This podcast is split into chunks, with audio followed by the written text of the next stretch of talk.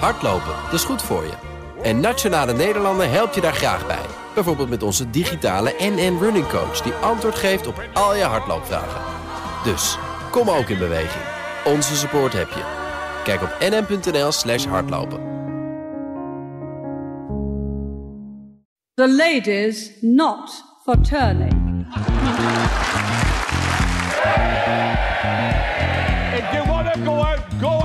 But if you stand again, I'll lord you out. Make your mind up. Are you excited about another election? You're joking. Not another one? Oh, for God's sake, I can't honestly. Je luistert naar Van Beckhovens Britten, een podcast over het belangrijkste nieuws uit het Verenigd Koninkrijk. Uiteraard met Lia van Beckhoven in Londen. En ik ben Connor Klerks bij BNR Nieuwsradio in Amsterdam. Hey Lia. Hey Connor. Straks gaan we het hebben over uh, een angstaanjagend monster waar de conservatieve partij dapper tegen ten strijde trekt. Maar we gaan vandaag beginnen bij de COVID Inquiry. En dat is het onderzoek naar de manier waarop de regering om is gegaan met de coronacrisis. En de leider van dat onderzoek, dat is ingesteld door de regering zelf, dat is Baroness Hallett. En zij heeft het nu aan de stok met diezelfde regering, met als inzet de WhatsAppjes, agenda's, de aantekeningen en de dagboeken van toenmalige premier Boris Johnson. Lia, wat is hier nou precies aan de hand? Het is inderdaad het verhaal van de vermiste WhatsApp-berichten van Boris Johnson, die, zoals we allemaal weten, uh, premier was, eh, regeringsleider was tijdens die coronacrisis. Ja. Ik hoorde dus twee haakjes uh, net. Uh, uh, Anthony Selden, een van de meest vooraanstaande um, uh, Britse historici, uh, die zei dat um, Boris Johnson, volgens hem, hij heeft heel veel biografieën geschreven ja. van Britse premiers. En hij zei Boris Johnson was de slechtste premier in 100 jaar. Hm. en hij was aan de macht tijdens de periode van de ergste epidemie in 100 jaar. Maar goed, ja. we lopen op de zaak vooruit. Waar het hier om gaat is dat er nu door de rechter die je net noemde... een onderzoek is ingesteld naar uh, corona... met eigenlijk alleen maar um, uh, het doel om te laten zien wat er verkeerd ging... wat er goed ging, um, hoe de regering wel dan niet was voorbereid... wie wanneer welke beslissingen namen. Ja. En daarbij horen natuurlijk al die 24 notitieboekjes plus wat je noemde... En daar WhatsApp-berichten en zo tussen Boris Johnson en veertigtal uh, medewerkers, ministers en zo. En alstublieft zonder redactions, ja, zonder ja. um, uh, doorgekraste zwarte blokken. Nou weigert de Britse regering, um, Algemene Zaken, om um, al die documenten, die aantekeningen te overhandigen. Uh, dat had gisteren moeten gebeuren. De rechter heeft nu gezegd: oké, okay, je krijgt nog even de tijd tot morgen, donderdagmiddag. Zo niet, zei ze, dan start ik een proces tegen de regering. Ja. Dus tegen de regering die, dat onderzoeks, uh, uh, die die onderzoekscommissie zelf heeft aangesteld. Ja, en dat, dat, dat zou echt wel behoorlijk, eigenlijk wel, wel, wel behoorlijk bizar zijn. Hè? Dat is nog nooit eerder gebeurd. Want Tuurlijk. Die, die, die, die enquête zelf, dat onderzoek, dat, dat is eigenlijk daar zit niet echt iets vreemds. Hè? Dat is gewoon, er was een pandemie. Uh, uh, daar is uh, op een bepaalde manier gehandeld. Die gaan we nu evalueren. Het is niet zo dat er met politieke redenen of iets dergelijks nu wordt ingezoomd op nee, bepaald nee. handelen. Het is gewoon eigenlijk standaard wat je zou verwachten na zo'n grote ja. historische gebeurtenis. Dat je gaat kijken hoe heeft Precies, de overheid nu gehandeld. Ja, andere landen hebben het ook gedaan of ja. doen het nog steeds. De Britten doen er wat langer over. Uh, het heeft uh, nogal wat voet in de aarde gehad voordat het begon. Uh, maar het heeft enorme consequenties voor de politieke loopbaan van Boris Johnson. Ja. Die echt vecht voor zijn politieke overleving. Ja. En het is altijd interessant natuurlijk om het daar He, zo te distilleren, dat je daarop uitkomt. Uh, zeker ook omdat de man zelf dus um, wel heeft gezegd dat hij die documenten wil overhandigen die de rechter wil. Uh, hij zei trouwens niet dat hij alle documenten wil onderhandelen, wil uh, overhandigen. Uh, hij zegt maar ik kan niks doen, want Algemene Zaken heeft alles. Boris Johnson heeft ja. sindsdien zijn advocaten ontslagen. Want die advocaten die kwamen informatie tegen waarvan ze dachten dat die tegen de regels van de lockdown indruisten. En hebben die informatie overhandigd aan de politie. Daar was de oud-premier Boris Johnson ook niet blij mee. Ja. Hij heeft nu nieuwe juristen benoemd, dus een zootje. Ja, ja, het is altijd een goed teken als iemand zijn advocaat op uh, uh, moet, moet ontslaan in dit soort uh, gevallen. Ja, ik wil het zo nog wel even hebben over die, die driehoek eigenlijk tussen de cabinet office, dus, dus algemene zaken, Sunak en Johnson. Maar eerst eventjes, ja, de, de, de regering die weigert dus eigenlijk, want zij gaan er nu over, hè, niet Boris Johnson. Ja. De regering weigert tot nu toe om akkoord te gaan met het verzoek van mevrouw Hallett, die barones, die rechter die, die dat onderzoek leidt. En Rishi Sunak, de huidige premier, die sprak daar met ITV over. En zijn antwoord vond ik er heel tekenend. Well, I think it's really important that we learn the lessons of COVID, and that's why the inquiry was established. And we want to make sure that whatever lessons there are to be learned are learned, and we do that in a spirit of transparency and, and candour. Uh, the government has cooperated with the inquiry. Tens of thousands of documents have been handed over. And with regard to the specific question at the moment, the government's carefully considering its position, but it's confident in the approach that it's taken. Are you prepared to get into a legal battle with a public inquiry? Some senior legal figures think you'll lose that fight? Again, not going to comment on the speculation, but we are carefully considering next steps, and the government is confident in its position. Are you saying that it should be up to ministers to decide what documents are looked at by the inquiry, not the independent judge in charge of it? Uh, again, government's handed over tens and tens of thousands of documents in a spirit of candour and transparency because it is important that we learn the lessons of COVID. With regard to the particular question at the moment, we're carefully considering next steps, but the government is confident in its position. So you might not hand over that material that they're asking for then? Uh, again, as I said, government is considering next steps carefully. Uh, Uh, but has been confident in its position, has handed over tens of thousands of documents. Not all today. the documents that they've asked. T- tens of thousands of documents today in a spirit of candor and transparency, because it's important that we learn the lessons from COVID. And again, carefully considering next steps. Uh, ja, sorry Lia, het is een hele lange quote, maar ik vind hem zo Vier boeiend. Eh, waarom vind jij hem boeiend? Omdat hij vier keer hetzelfde eh, zegt. Het is echt typisch Precies. Vier, vier keer zegt hij 10.000 documenten overhandigd. Vier keer zegt hij openheid van zaken. Vier keer zegt hij dat hij eh, met vertrouwen eh, de zaak tegemoet ziet. Het is een beetje een, eh, ja, eh, een eh, AI-versie ja, precies. ChatGPT, maar dan als premier. Ja. Ik, ik vraag me dat echt af hoe lang die dit nou vol gaat houden. Want ik vind dit echt typisch Sunak. hè. Je kan alles vragen waar je zin in hebt, maar je krijgt telkens een herhaling van hetzelfde antwoord. Alsof hij denkt dat er maar 20% van Ja. het gesprek wordt uitgezonden of iets dergelijks. Maar ja, als het ons opvalt, dan, dan moet dat toch andere mensen ook opvallen. Daar, daar, daar kan hij toch niet mee weg Ja, maar vinden ze het komen? erg? Ah ja. Ja, maar vinden ze dat erg? Kijk, eh, zo, eh, zo eh, dat, dat is eh Sunak. Weet je, zo opereert hij, zo praat hij. Mhm. Kijk, weet je wat wel opvalt hier? Is het gevoel ehm, dat het hier gaat om een, een cover-up. Ja. Hoe Sunak het ook formuleert, het is echt een beetje een excuus van... de hond heeft het thuiswerk opgegeten, weet je, wel, documenten zijn gestolen... mijn moeder heeft, of de werkster heeft het per ongeluk weggegooid. Eh, daar doet het mij aan denken. Ja. En sinds Watergate weten we hè, dat hetzelfde de eerste overtreding is ehm, eh, eh, die het schandaal wordt, maar Ja. het verdoezelen ervan.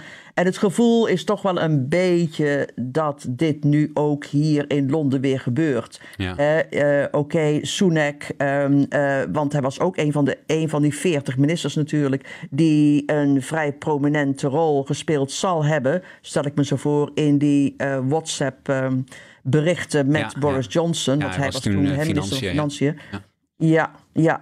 En die willen natuurlijk eh, niet dat er gênante WhatsApp-berichten overhandigd wordt. Begrijpelijk. Ik bedoel, ik moet er ook niet aan denken om mijn WhatsApp-bericht over aan een officiële instantie te geven. Nee. En dat is ook het argument. Heel veel mensen zeggen van. ehm, wat je op WhatsApp doet is, is vertrouwelijk. Dat moet ook vertrouwelijk kunnen blijven. Je moet informatie kunnen uitwisselen.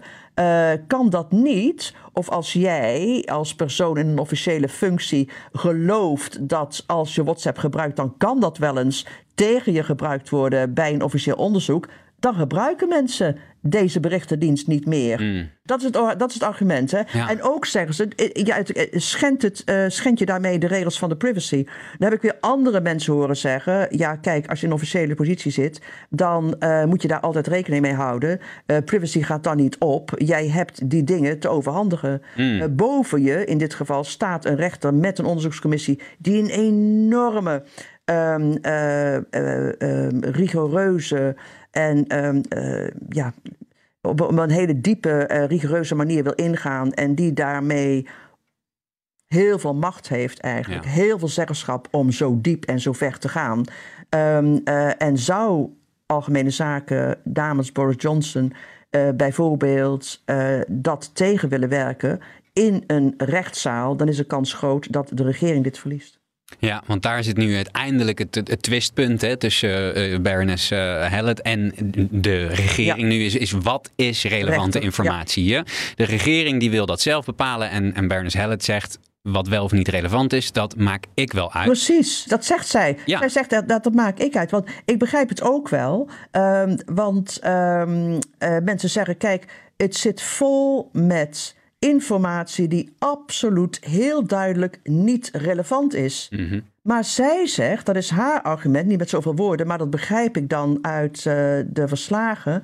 Ehm, eh, eh, zij zegt, dat maak ik inderdaad uit, want ehm, Boris Johnson zou zich niet altijd volledig geconcentreerd hebben op COVID. Ja. Hij zou met andere, minder relevante dingen bezig zijn geweest. En dat kun je dan uitmaken, eh, opmaken uit al die berichten op WhatsApp. Ja. Ik zou je één anekdote vertellen, ehm, eh, die ik tegenkwam een poos geleden toen Dominic Cummings eh, gehoord werd over COVID tijdens een onderzoek van de Kamercommissie in het Verenigd Koninkrijk. En je weet, Dominic Cummings was de adviseur van Boris Johnson, ook wel Boris. Boris's brain eh, genoemd. Ja. eh, totdat ze met knallende ruzie uit elkaar gingen. Maar goed, in die hoorzitting over COVID zei Cummings dat op één dag, en dat was niet uitzonderlijk, ehm, alles over COVID moest gaan, maar voortdurend verstoord werd door twee zaken. Hij zei.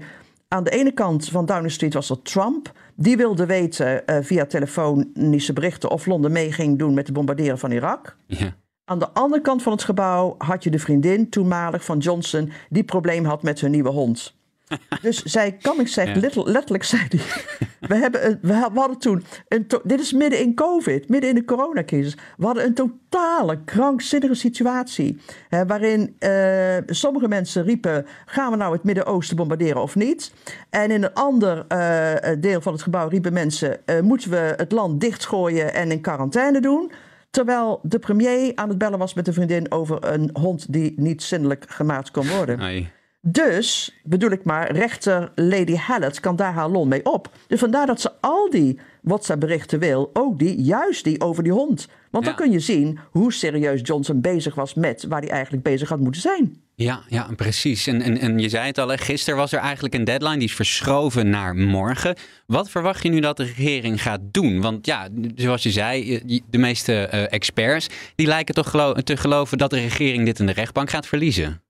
Ja, ja, ja, ja, daar lijkt het wel op. Ehm, ze zullen natuurlijk proberen het op een akkoordje te gooien. We geven je deze informatie wel en deze informatie niet. Ik vraag me af hoeveel informatie er nog is. Ik kan me namelijk voorstellen dat ehm, eh, heel veel van de informatie die Boris Johnson heeft, eh, dat die niet meer bestaat. Ja. De ontvangers van die berichten hebben die informatie natuurlijk wel. Ja. En een aantal ministers, weet ik, hebben al gezegd: we hebben alles al gegeven. Is het voldoende? Is het niet? Hoe gaan ze dit inderdaad oplossen? Ik heb geen idee. Hmm. Ik weet wel dat ze een hele, dat zegt iedereen, dat zij een hele formidabele eh, rechter is. En Boris Johnson, en heel serieus, terwijl Johnson minder. En hoe is nu de verhouding tussen het huidige cabinet office, algemene zaken, dus het departement ook van, van Sunak en Boris Johnson? Want ze werken hier soort van samen, of ze hebben in elk geval gedeelde belangen. Maar eh, eh, toch, toch lijkt het een beetje op scherp te staan tussen die twee partijen. Precies, dat doet het ook. Want het is, allemaal, het is ook zo, er zijn ook zoveel tegenstrijdigheden. Het is ook zo ingewikkeld. Hè, want de, van de ene kant hoor je dan eh, algemene zaken zeggen van... ehm, eh, ja, wij werken mee. En Boris Johnson zegt wij werken mee met de rechter en haar verzoek. Maar ze doen het dus niet. Nee. Eh, ik denk dat je erg veel tussen de regels door moet lezen, zoals altijd met dit soort dingen. Eh, eh, Johnson zegt bijvoorbeeld, of laat zijn medewerkers, juridische medewerkers zeggen: ehm, eh, Wij zijn heel relaxed, wij, ehm, eh, wij overhandigen het materiaal. Maar ze zeggen niet alle materiaal, dat woordje alle staat er niet bij. Ja. Ze zeggen ook niet dat het niet redacted is, bijvoorbeeld. Snap je? Mhm. Terwijl je zou, kunnen, je zou je kunnen voorstellen dat Sunak denk, denkt... ehm, eh, Boris Johnson is toch een hele lastige eh, luis in de pels. Ja. Dat Sunak denkt, nou weet je, ik gooi hem voor de bus. Ik, gooi, ik, ik lever alle informatie in waar de rechter om vraagt. Ja. Dan ben ik tenminste van Johnson af. Van de andere kant kan natuurlijk die informatie ook eh, op een andere manier uitpakken. Want Sunak zelf is ook betrokken. Hè, het, eh, eh, het kan gênante gevolgen voor hem hebben. En bovendien denk ik dat Sunak nog steeds vrij bang is voor de, de, de aanhangers van Johnson... die actief zijn in de Britse politiek en zeker in de conservatieve fractie. Ja. Ehm, en die het Sunak zouden aanrekenen als zij geloven dat Sunak Boris Johnson verraadt. Ja, want dat is een thema wat ook telkens terugkomt. Hè? Een, een soort eh, idee dat eh, eh, al deze onderzoeken, want, want, Boris Johnson staat ook nog onder druk vanwege Partygate, dat dat een soort complot Juist. is om van hem af te komen. Hè? Want hij was de, de, de grote leider die de stem van het volk vertegenwoordigde. Het is eigenlijk ja, eh, Precies. standaard complottheorie. En dat is, een- dat is precies, dat is inderdaad ook het probleem van Boris Johnson. Kijk, eh, er speelt nog een onderzoek, zoals je al zegt, Partygate. Dat onderzoek, ehm, eh, het was een parlementaire enquête na, naar eh, Boris Johnson, Downing Street 10 en andere ministeries. Hielden zij zich wel dan niet aan de lockdownregels tijdens corona? Johnson moet bewijzen dat hij het parlement niet moedwillig misleiden. Ehm, het gevoel altijd hier is geweest, nou, dat kan die overleven, dat Partygate. De eh, het- het- trouwens, eh, het resultaat van het onderzoek komt over een paar weken. Eh, de conclusie lijkt te zijn, hij krijgt waarschijnlijk een tik op de vingers, maar niet meer. Hij gaat waarschijnlijk niet gestraft worden ehm, eh, door, der- door tien dagen op reces gezet te worden. Dat is heel belangrijk. Word je tien dagen of langer geschorst namelijk, dan kan er een tussentijds verkiezingen eh, eh, worden uitgeroepen in jouw kiesdistrict. En die zou Boris Johnson dan kunnen verliezen. En dan zou dat het einde van zijn carrière zijn, de politieke Ja. carrière. Maar, maar deze, dit onderzoek, deze ehm, eh, COVID-enquiry gaat veel verder en gaat jarenlang duren. En heel veel mensen denken, goh, jarenlang gaat dit duren. Jarenlang waarin, waarin voortdurend eh, Boris Johnson genoemd wordt. Want je weet hè, hoe hij is. Ik bedoel, het is toch iemand die alle zuurstof uit een kamer zuigt. Ja. Als Boris Johnson ergens binnenloopt, is het vol. Dus jarenlang al die pers eh, van zo'n polariserende figuur. Dat is niet goed voor een conservatieve partij. Dus vandaar dat je nu ook steeds, veel meer, steeds meer mensen hoort denken en hoort praten over een toekomst van de conservatieve partij zonder Boris Johnson. En die mensen zijn niet langer geneigd ehm, hun, handen, hun handen voor hem in het vuur te steken en denken dat het echt maar beter is als Johnson eh, stappen de plaats maakt of liever helemaal vertrekt. Ja, The Guardian schrijft: de toekomst van Boris Johnson ligt in de handen van Lady Hallett, die rechter die dat onderzoek leidt. Is dat een beetje overtrokken of ben je het daar toch wel mee eens? Ja, eh, dat, dat denk ik wel, ja. Ehm, niet alleen in haar handen. Ehm, eh, wat ik je zei, er is altijd nog zoiets als eh, Partygate. Eh, en het gekke is dat hij haar benoemde om dat onderzoek te doen. Een zo breed mogelijk onderzoek te doen. Nu natuurlijk van gedachten veranderd. Het zou niet voor het eerst zijn dat Johnson niet helemaal nadenkt over de consequenties van zijn daden. Ehm, eh, maar inderdaad, het is eh, voor hem denk ik heel, heel, heel spannend. Er hangt voor hem ontzettend veel vanaf van hoe zij haar volgende stap gaat nemen. Wat voor volgende stap ze gaat zetten. Ja, dus het worden spannende weken. Want we krijgen natuurlijk deze week krijgen we hier eh, nieuw nieuws over. Zoals je al zei, binnen een paar weken krijgen we ook weer nieuws over Partygate. Ik denk dat we over niet al te lange tijd wederom een aflevering eh, aan Boris Johnson gaan wijden. Ja, dat waren we eigenlijk niet van plan. Hè? Nee. Wij zouden eh, zo min mogelijk Johnson en zo min mogelijk Royals en zo min mogelijk Brexit. Maar hey, Ja. soms ontkom je er niet aan. Ja, het, eh, het Maar leven is niet altijd kijk, planbaar. hè? Nee, nee. En eh, zelfs al heb je de beste bedoelingen, er zijn toch hè, sommige obstakels of sommige onderwerpen die, die je altijd weer naar de. Ja, die je altijd weer aangrijpen en waar je, die je gewoon niet kunt laten liggen. En dit is er één van. Ja. Ehm, kijk, wij, hadden dus, wij hebben het dus nu gehad over eh, eh, Johnson en Partygate en die onderzoekscommissie van naar COVID Ja. onder leiding van Lady Hallett. Maar ik heb ook wel mensen horen zeggen: ehm, zo is het helemaal niet. Kijk, Johnson is eigenlijk ehm, eh, geen onderwerp. Hij is het slachtoffer. Oh, ja. Hij is het slachtoffer ehm, van de blob. Mm.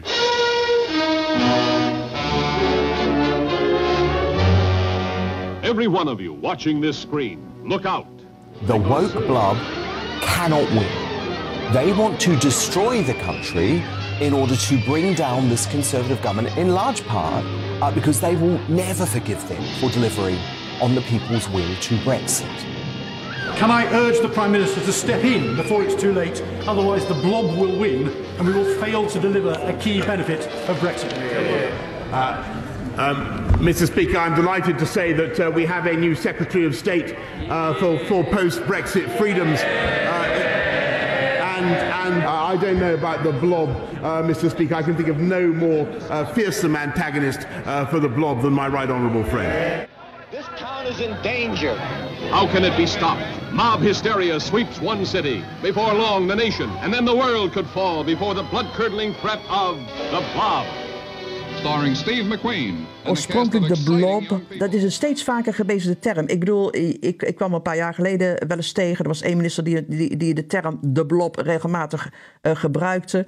Uh, maar nu, uh, geen dag gaat er voorbij of, of ehm, hij wordt wel door iemand ehm, gebruikt. Maar oorspronkelijk de blob komt uit de film, ik geloof een Amerikaanse film uit 1958, 1956. Weet je wel, zo'n horrorfilm. Ja, hele jonge Steve McQueen. En vernieling. Ja, dat is waar. Je, klopt, klopt. Ik heb uh, een fragmentje, een klein fragmentje gezien.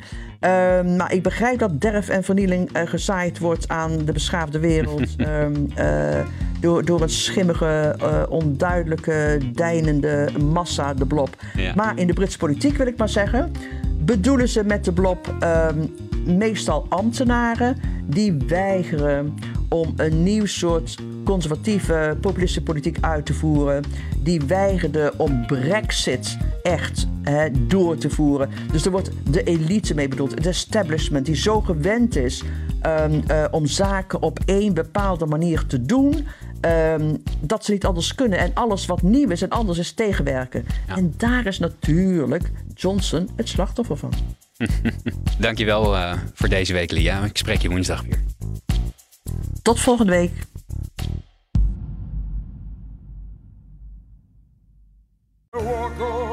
Hardlopen, dat is goed voor je. En Nationale Nederlanden helpt je daar graag bij. Bijvoorbeeld met onze digitale NN Running Coach... die antwoord geeft op al je hardloopvragen. Dus, kom ook in beweging. Onze support heb je. Kijk op nn.nl slash hardlopen.